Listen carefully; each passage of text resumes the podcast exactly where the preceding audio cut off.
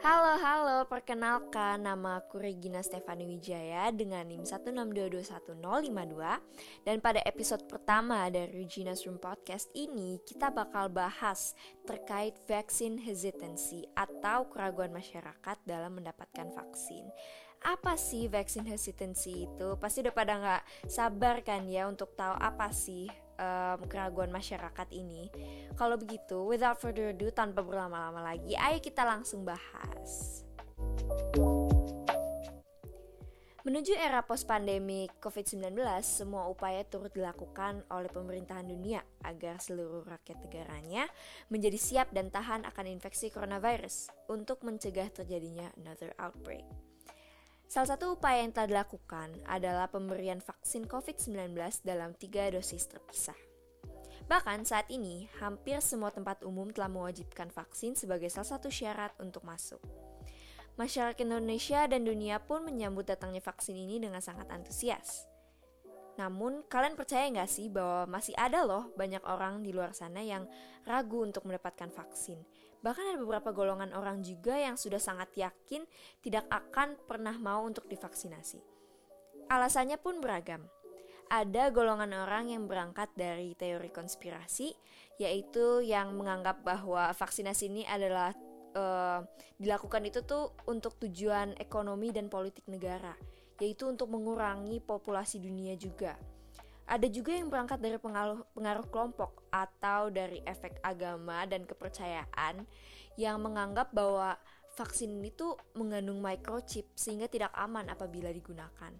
Ada juga yang menganggap bahwa vaksin ini tuh melanggar HAM karena sifatnya yang cukup memaksa dan cukup menyudutkan pihak-pihak yang memilih untuk tidak divaksinasi. Ada juga yang beranggapan bahwa penyakit itu harusnya dihadapi sehingga dapat membentuk um, sistem imun tubuh yang kuat. Dan tidak sedikit juga yang menganggap bahwa vaksinasi ini bersifat tidak penting. Nah, perlu kita ketahui bahwa keraguan masyarakat dalam divaksinasi ini tidak hanya terjadi di negara kita Indonesia, tetapi juga di seluruh dunia.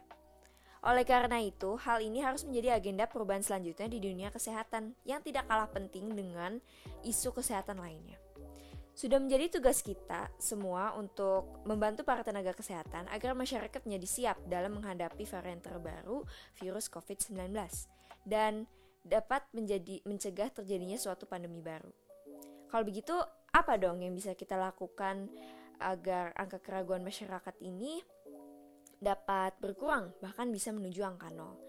Pertama, kita bisa mencari tahu terkait aturan penggunaan vaksin dan lisensi pembuatan vaksin itu sendiri, yang tentunya dapat kita dapatkan secara publik melalui internet.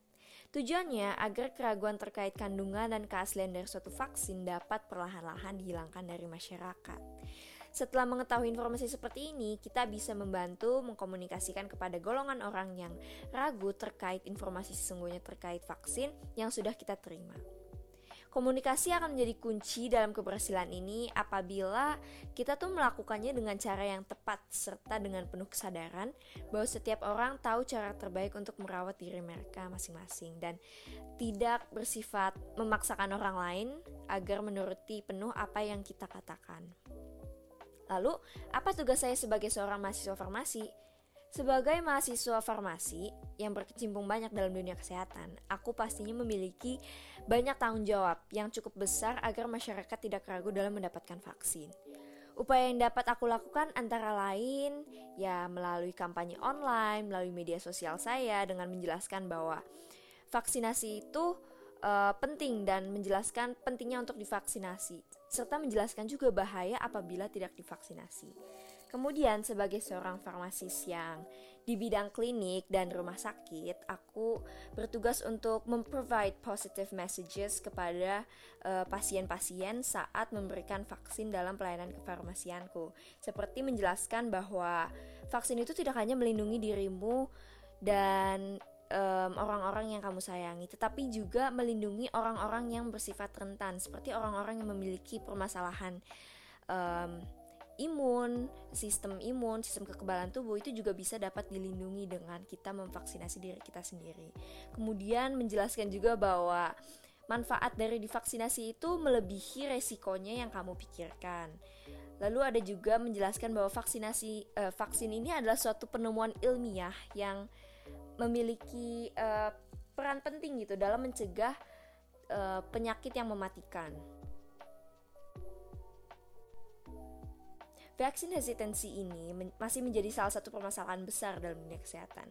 Sehingga dalam menyelesaikannya diperlukan kerjasama antara tenaga kesehatan dan masyarakat untuk mengurangi keraguan masyarakat dalam divaksinasi. Nah, ternyata gak kerasa ya kita tuh udah ada di penghujung episode perdana dari Regina's Room Podcast. Uh, aku mau berterima kasih kepada teman-teman semua yang sudah mendengarkan dan mengikuti dari awal episode dan sehat-sehat selalu. Sampai jumpa di episode berikutnya. thank you